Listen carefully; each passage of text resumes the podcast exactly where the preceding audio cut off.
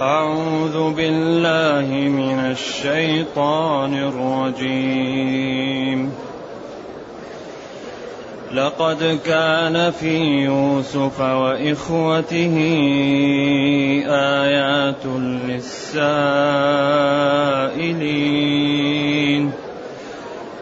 قالوا ليوسف وأخوه أحب إلى أبينا منا ونحن عصبة. إن أبانا لفي ضلال مبين. اقتلوا يوسف أو اطرحوه أرضا يخل لكم وجه أبيكم ۖ. وتكونوا من بعده قوما صالحين. قال قائل منهم لا تقتلوا يوسف وألقوه. لا تقتلوا يوسف وألقوه في غيابة الجب يلتقطه بعض السيارة. يلتقطه بعض السيارة إن كنتم فاعلين. قالوا يا أبانا ما لك لا تأمنا على يوسف وإنا له لناصحون. أرسله معنا غدا يرتع ويلعب وإنا له لحافظون. قال إني ليحزنني أن تذهبوا به وأخاف وأخاف أن يأكله الذئب وأنتم عنه غافلون. قالوا لئن أكله الذئب ونحن عصبة. ونحن عصبة إنا إذا لخاسرون.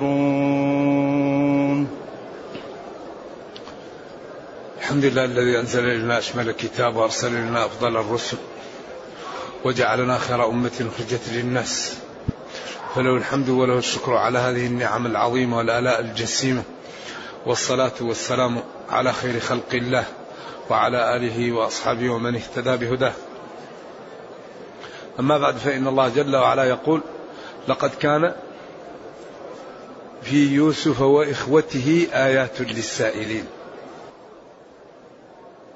لقد كان في يوسف وإخوته آيات للسائلين وفي غيرهم أيضا وفي غير السائلين. كما قال سرابيل تقيكم الحر والبرد. أيوه. لقد كان في يوسف وإخوته آيات للسائلين وفي غير السائلين.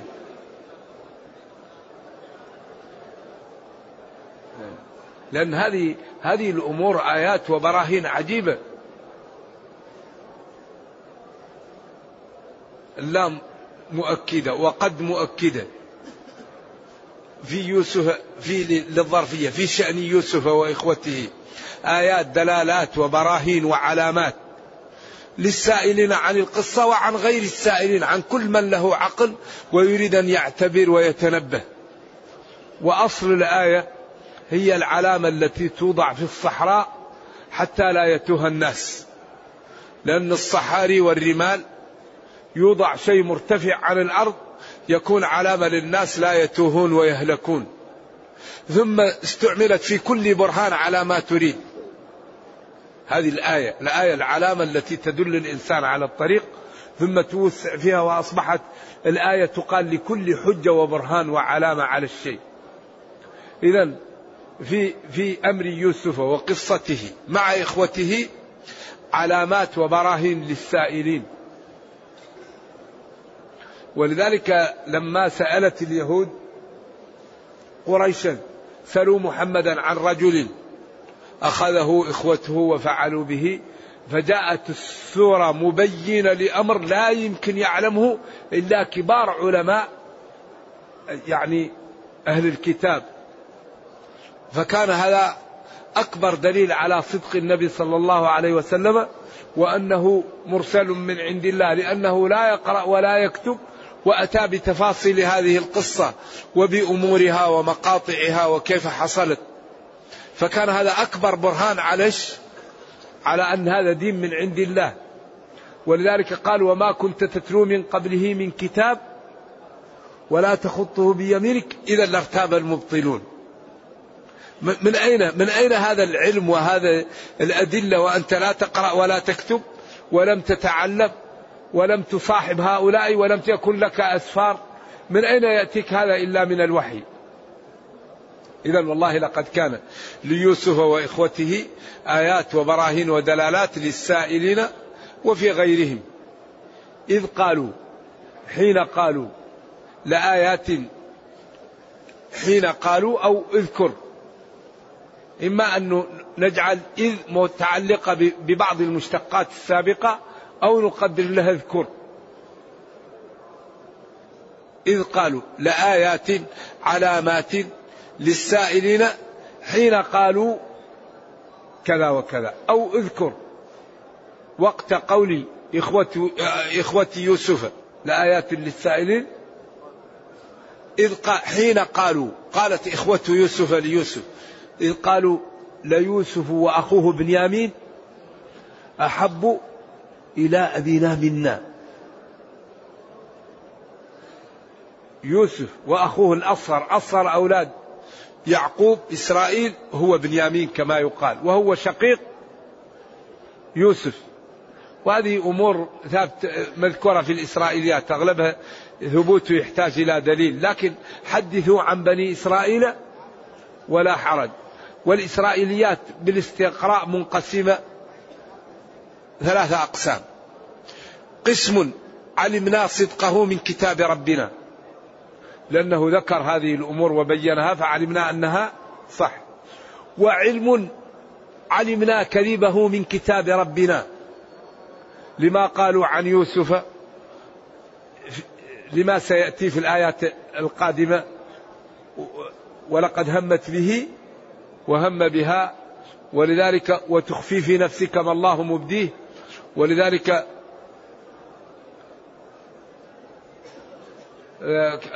وألقينا على كرسيه جسدا ثم أناب. وكذلك قصة داود.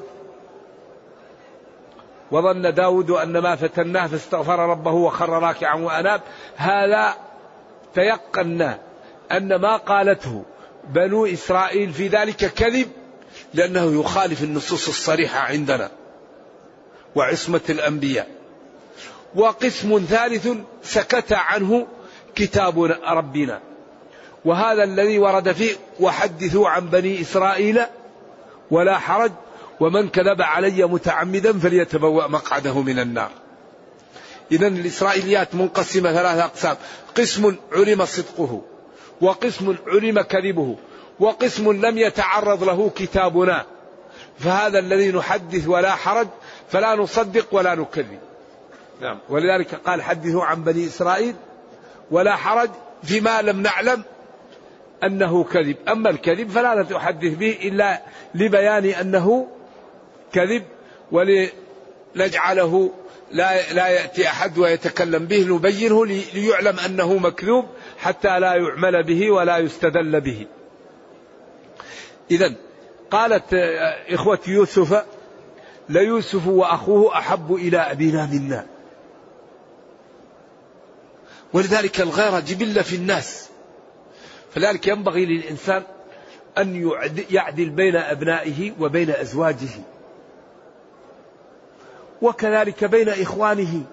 لا يظهر لبعض الإخوان محبة على بعض لأن هذا يجعل في النفوس ماذا؟ بعض الشيء. أحب إلى أبينا منا ونحن عصبة. أحب. إذ قالوا ليوسف وأخوه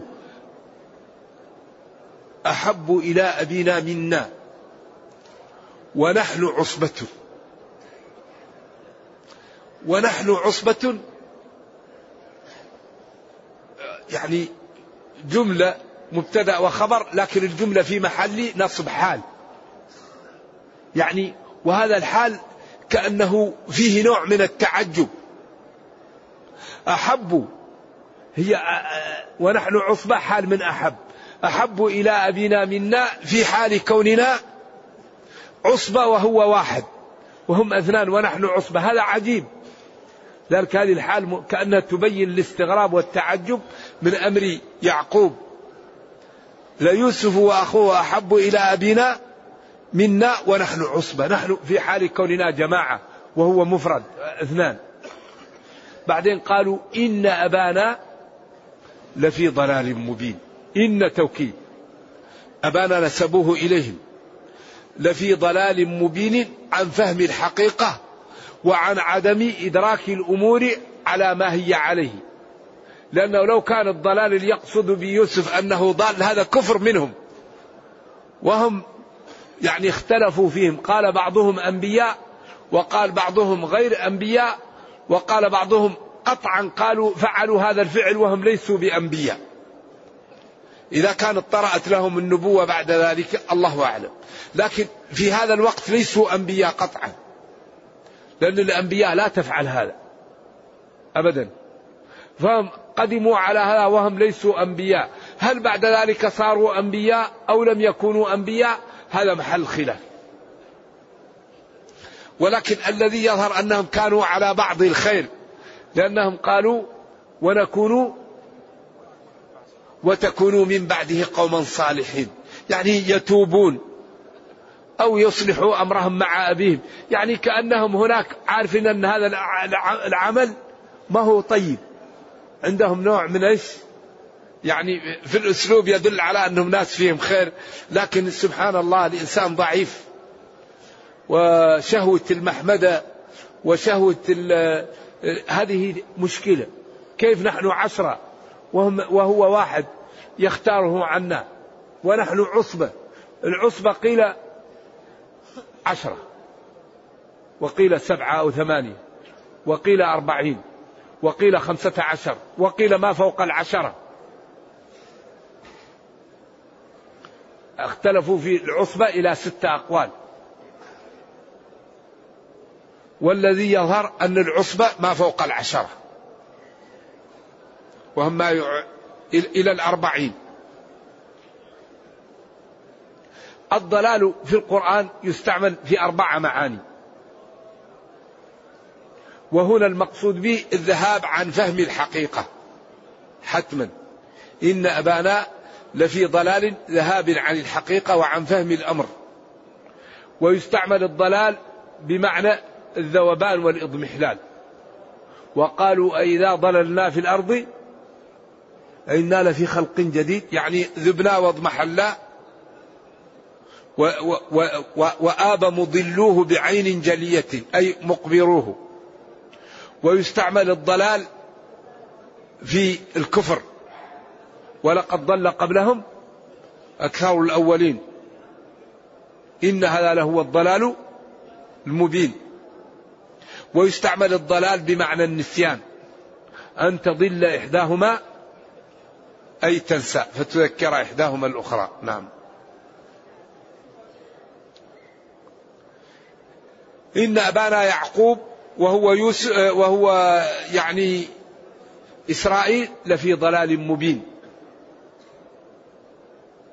طيب ماذا بعده؟ إن أبانا لفي ضلال مبين. اقتلوا يوسف. لا حول ولا قوة إلا بالله. اقتلوا يوسف. إذا النفوس مليئة بإيش؟ مليئة بالغيرة مليئة بالألم. هذا أخوهم وصغير. وهم عصبة. كيف يفكروا في قتله؟ اقتلوا يوسف. قال العلماء إن يوسف لم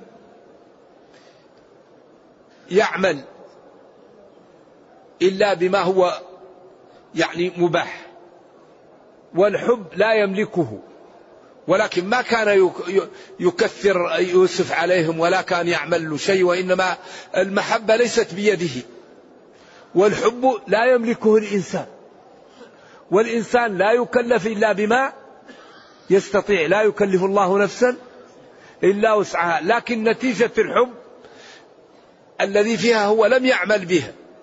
ولكن لما رأوه الولد رأوا فيه النجابة ورأوا فيه الجمال ورأوا فيه الأدب ورأوا فيه الحسن غاروا وحسدوا. بعدين قالوا اقتلوا يوسف. كيف يقتلوا يوسف؟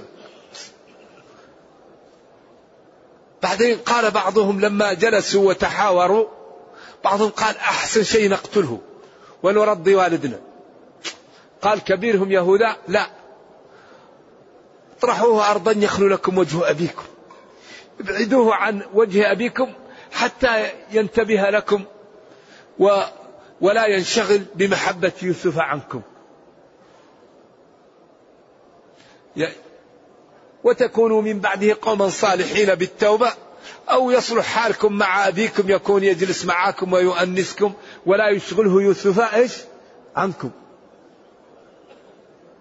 إذا هم تحاوروا وخططوا الأمر وبيتوه. منهم من قال اقتلوه ومنهم من قال اطرحوه بعيد في صحراء تأكله الذئاب أو تعمله. والذي قال الثالثة ماذا قال؟ قال قائل قال؟ قال إيش؟ قال قائل منهم لا تقتلوا يوسف. وألقوه في غيابة الجب أو غيابات الجب. غيابة وغيابات كل قراءة سبعية وصحيحة. يلتقطه بعض السيارة إن كنتم فاعلين فرأيي إن كنتم عاملين به شيء فرأيي هذا أحسن الآراء. إن كنتم مدبرين له الأمر فهذا الرأي أحسن. قالوا هذا طيب. فأخذوه وفي آه، زاد المسير لابن الجوزي آه، طبعا هذه إسرائيليات أنهم أخذوه وكتفوه وصار إذا تعلق بالأشياء ويا أبتي وأمور الحقيقة تحزن في الإسرائيليات ورموه في البئر قيل رموه فكان البئر فيه ماء وقيل التقت له حجرة ووقف عليها وقيل جاءه جبريل وأنسه. إسرائيليات أمر عجيب. المهم هو ولد لا يزيد على 18 سنة ولا يقل عن ست سنوات. الأقوال كلها إما صاحب ست سنين أو 12 سنة أو 17 سنة لا يزيد عن ثمانية عشر سنة ولا يقل عن ست سنوات أو سبع سنين. هذه الأقوال تدور حول هذا. قال قائل منهم لا تقتلوا يوسف وألقوه في غيابة. الغياب كل ما يغيب عنك والجب هو البئر الذي لم تطوى. وقالوا له الجب. البئر التي حفرت ولم تطوى بال بالحجارة أو بالأشجار أو بالأدوات يقال لها الجب. يلتقطه بعض السيارة السائرين المارة من المسافرين. إن كنتم فاعلين شيئا مما دبرتم فيه فهذا القول أولى. إذا هم الآن خططوا ودبروا وأتوا بثلاثة أقوال. قول يقتلوا قول يرموه في الصحراء. قول إيش؟ ذهبت في الجب. فلما دبروا أمرهم وخططوا أتوا لأبيهم. قالوا يا أبانا ما لك لا تامنا على يوسف. كل العشرة شموا تامنا إلا أبا جعفر.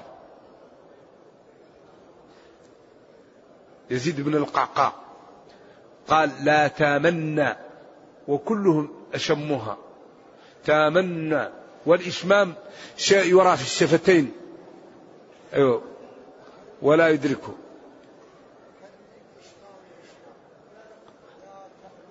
لا تأمنا لا تأمنا لا يراه الأعمى. لا تامنا إلا أبا جعفر قرأ أبو جعفر قرأ لا تامن لا تامنى أيوه تامنى أيوه. نافع يقرأ تأمنى وتامنى قرأت ورش تامنى وقرأت قالون تأمنى كلهم يشمها إلا أبو جعفر المدني. لا يشمها يضغمها. قالوا يا أبانا ما لك؟ لا تثق فينا وتأمنا على أخينا يوسف. ونحن له وإنا له لناصحون. وإنا لأجله. ناصحون يعني لا نفعل به إلا أحسن ما يفعل بالأخوة. ولذلك جاءوا ليوسف وقالوا له ما رأيك تذهب معنا أنت لا تذهب ولا تمشي حتى تتمرن على ركوب الخيل وعلى الجري وعلى الاصطياد. وكأن يعقوب كان يخاف على يوسف من إخوته. لأن كل إناء بالذي فيه ينضح. ومهما تكن عند امرئ من خليقة ولو خالها تخفى على الناس تعلم أي ولا تعرفنهم في لحن القول. كل إنسان تقرأ ما في قلبه في وجهه. وذلك لا يمكن الإنسان أن يخفي شيء لأن الإنسان ضعيف. لذلك لا ينفع إلا الصدق. إنسان يكون صادق. قالوا يا أبانا ما لك لا تامنا على يوسف وإنا له لناصحون. إنا إخوته له ليوسف. لناصحون لنريد له كل خير ونريد أن يصله كل ما ينفعه. نخلص له المحبة والمودة ونريد أن لا يأتيه أذى. والنصح ضد الخيانة. أرسله معنا. غدا. يرتع. ويرتعي. ويلعب. يرتع احتمال أن تكون من رتع ومن رعى. فإذا كانت من رتع يكون يفعل. وإذا كان من يرتعي يكون يفتعل. هل هي من رتع إذا جاء للرتع ومن رتعت الدابة إذا جاءت المرعى وأكلت؟ أو رعاه يرعاه إذا لاطفه وراعى أمره. إذا أرسل معنا يوسف غدا إما للتمتع أو أن نرعاه ويرعانا ويتمتع معنا. ويلعب إما بركوب الخيل أو بالجري وإنا له لحافظون. ولذلك هذا الأسلوب يدل على أن فيه شيء. ما لك لا تامنا على يوسف. نفس الأسلوب اللي تأملوا يجد في طياته أمور. ما لك لا تامنا على يوسف هذا دال على شيء سبحان الله. لذلك هذا القرآن أساليبه عجيبة معجز. كما قال ولكن تعمل قلوب التي في الصدور تدل على الناس يقولون القلب ما هو في الصدر. لأن معروف أن القلب في الصدر لكن قول الله التي في الصدور بها أنهم يقولوا أن العقل هنا. هذا من إعجاز القرآن. أم لهم قلوب يعقلون بها؟ لذلك هذا السياق من إعجاز القرآن. التي في الصدور كأنها مومئة إلى أن في ناس يقولوا ليس في الصدر. كما قال ثم استوى على العرش الرحمن فاسأل به خبيرا. هذا دال على أن في ناس يقول استولى. قال فاسأل به خبيرا. لا تقول استولى. وهنا قال ما لك لا تامنا على يوسف. أول شيء. قالوا يا أبانا ما لك لا تامنا على يوسف. إذا هذا الأسلوب يدل على على شيء. وإنا له لناصحون. أرسله معنا غدا يرتع ويرتعي. وإنا له لحافظ أي جواب الطلب إن ترسله معنا يرتع. قال يعقوب لأبنائه إني ليحزنني أن تذهبوا به. فراقي له يؤلمني. وأخاف. أن يأكله الذئب. وأنتم عنه غافلون. أخاف إذا ذهب معكم أن يعتدي عليه الذئب وهو صغير والحال أنكم أنتم تذهبون في اللعب. فكانت هذه فرصة لهم.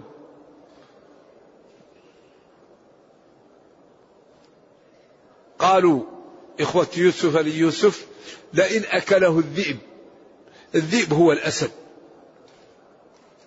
كل حيوان مفترس يسمى الذئب عند العرب. والذئب معروف لكن قد يقولون الذئب لكل أسد. الذئب والذئب.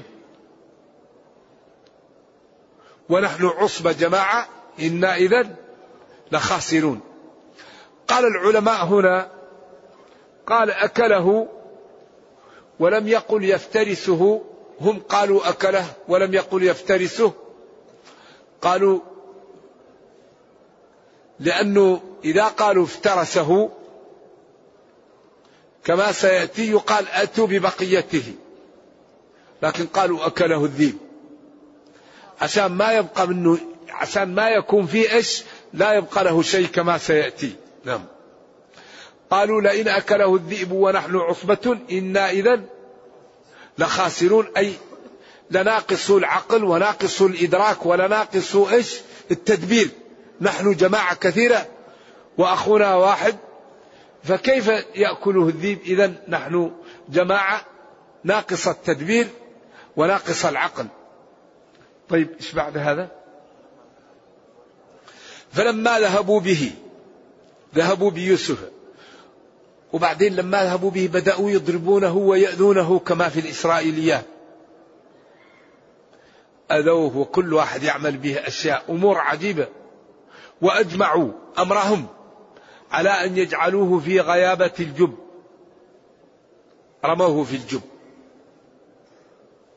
في هذا الوقت أوحينا إلى يوسف. ستخبرهم بموقفهم هذا والحال أنهم لا يدرون عنه. فكانت هذه جرعة من الطمأنينة ومن اللطف بهذا الولد الذي جاءه هذه الأذية الشديدة من أقرب الناس إليه. ولذلك الابتلاءات هذه عجيبة. لا يمكن أن ينال العبد منزلة إلا بالابتلاء. أبدا. لتبلون لنبلونكم. ألف لام حسب الناس أن يتركوا. لا بد من الابتلاءات أولا. أجمعوا أمرهم على أن يجعلوه في غيابة وأوحينا إلى يوسف على القول الراجح أو على يعقوب على القول المرجوح. لتنبئنهم لتخبرنهم بأمرهم هذا والحال أنهم لا يدرون عنه. ولذلك الدليل على أنه يوسف هل علمتم ما فعلتم بيوسف وأخيه إذا أنتم جاهلون بعدين هذا يدل على أنهم قبل أن يكونوا على على إيش؟ على قوة إيمان. هل علمتم ما فعلتم بيوسف وأخيه؟ إذ أنتم جاهلون. قالوا أئنك لأنت يوسف؟ قال أنا يوسف هذا أخي. قد من الله علينا إنه من يتقي ويصبر فإن الله لا يضيع أجر المحسنين. قالوا تالله لقد آثرك الله علينا وإن كنا لخاطئين. قال لا تثريب عليكم. إذا هذا يقوي وأوحينا إليه لتنبئنهم بأمرهم هذا وهم لا يشعرون. وجاءوا أباهم عشاء يبكون. قالوا يا أبانا إنا ذهبنا نستبق. وتركنا يوسف عند متاعنا فأكله الذئب وما أنت بمؤمن لنا ولو كنا صادقين. وجاءوا على قميصه بدم كذب قال بل سولت لكم أنفسكم أمرا فصبر جميل والله المستعان على ما تصفون. إذا هم دبروا القضية وأحكموها غاية الإحكام. أولا خططوا واختاروا هذا القول أنهم يرموه في الجب. ورموه في الجب وتأخروا إلى إلى أن صار وقت العشاء وأخذوا سخلة وذبحوها وأخذوا قميصه وملوه بالدم ونسوا أن يشقوا القميص. وجاءوا على قميصه بدم كذب نسوا أن يشقوا القميص. ولذلك لما جاءوا بالدم قال سبحان الله متى صار الذيب كيسا. فطنا يقتل يوسف ولا يشق قميصه. أيوة، دم مكذوب واضح أنه ما هو صحيح. فأكله الذيب بعدين قالوا لم يقولوا افترسه الذيب حتى لا يقال لهم أتوا ببقيته.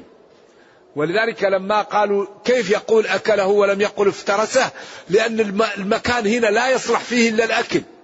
أكله بكامله. إذا قالوا أتينا ببقيته يقول أكله بحذافره حتى لا يبقى عندهم إيش؟ لا يطالبوا بحجة. ذلك جاءوا يبكون وأخذوا سخلة ووضعوا على القميص دم وقالوا أكله الذيب جاء عليه بكامله. لم يقولوا افترسه لأنهم لو قالوا افترسه لقالوا أتوا بإيش؟ ببقيته قال لا أكله. وما أنت بمؤمن لنا أي بمصدق لنا ولو كنا صادقين في, في, أمري. وكل هذا يدل على أمور. نفس هذا السياق يدل على أنهم فيهم بعض الشيء. وجاءوا على قميصه بدم الكذب مكذوب. ليس أيوة لأنهم لم يشقوا القميص. قال بل سولت لكم أنفسكم أمرا. أي أمرا عظيم. وشنيع. فصبر جميل. صبر جميل عملي. أو أمري صبر جميل. والله المستعان على ما تصفون. الله المستعان على هذا الأمر. ولذلك ابيضت عيناه من الحزن فهو كظيم. وكل ما سأل عنه. قالوا تالله تفتأ تذكر يوسف حتى تكون حرضا أو تكون حتى تقارب الهلاك أو تهلك لأن الحرض هو مقاربة الهلاك. ولذلك هذه القصة فيها من العبر ما لا يعلمه إلا الله. ولذلك قال نحن نقص عليك أحسن القصص بما أوحينا إليك هذا القرآن. و و و وأحسن القصص هي قصة يوسف. لما فيها من العبر وفيها من الأمثال والأحكام والحكم وتغير الأحوال والنجاحات. أعزه الله. كان يعني عبدا ذليلا يضرب ويباع. فأعزه الله وأصبح كل الأمور بيده وأعطاه الرسالة والنبوة وأصبح الذين كانوا يوصلون أن يؤذوه أرزاقهم وهو الذي ينفق عليهم. ولكن الله يمن على من يشاء من عباده. نرجو الله جل وعلا أن يرينا الحق حقا ويرزقنا اتباعه وأن يرينا الباطل باطلا ويرزقنا اجتنابه. وأن لا يجعل الأمر ملتبسا علينا فنضل. اللهم ربنا آتنا في الدنيا حسنة وفي الآخرة حسنة وقنا عذاب النار. سبحان ربك رب العزة عما يصفون وسلام على المرسلين والحمد لله رب العالمين. والسلام عليكم ورحمة الله وبركاته.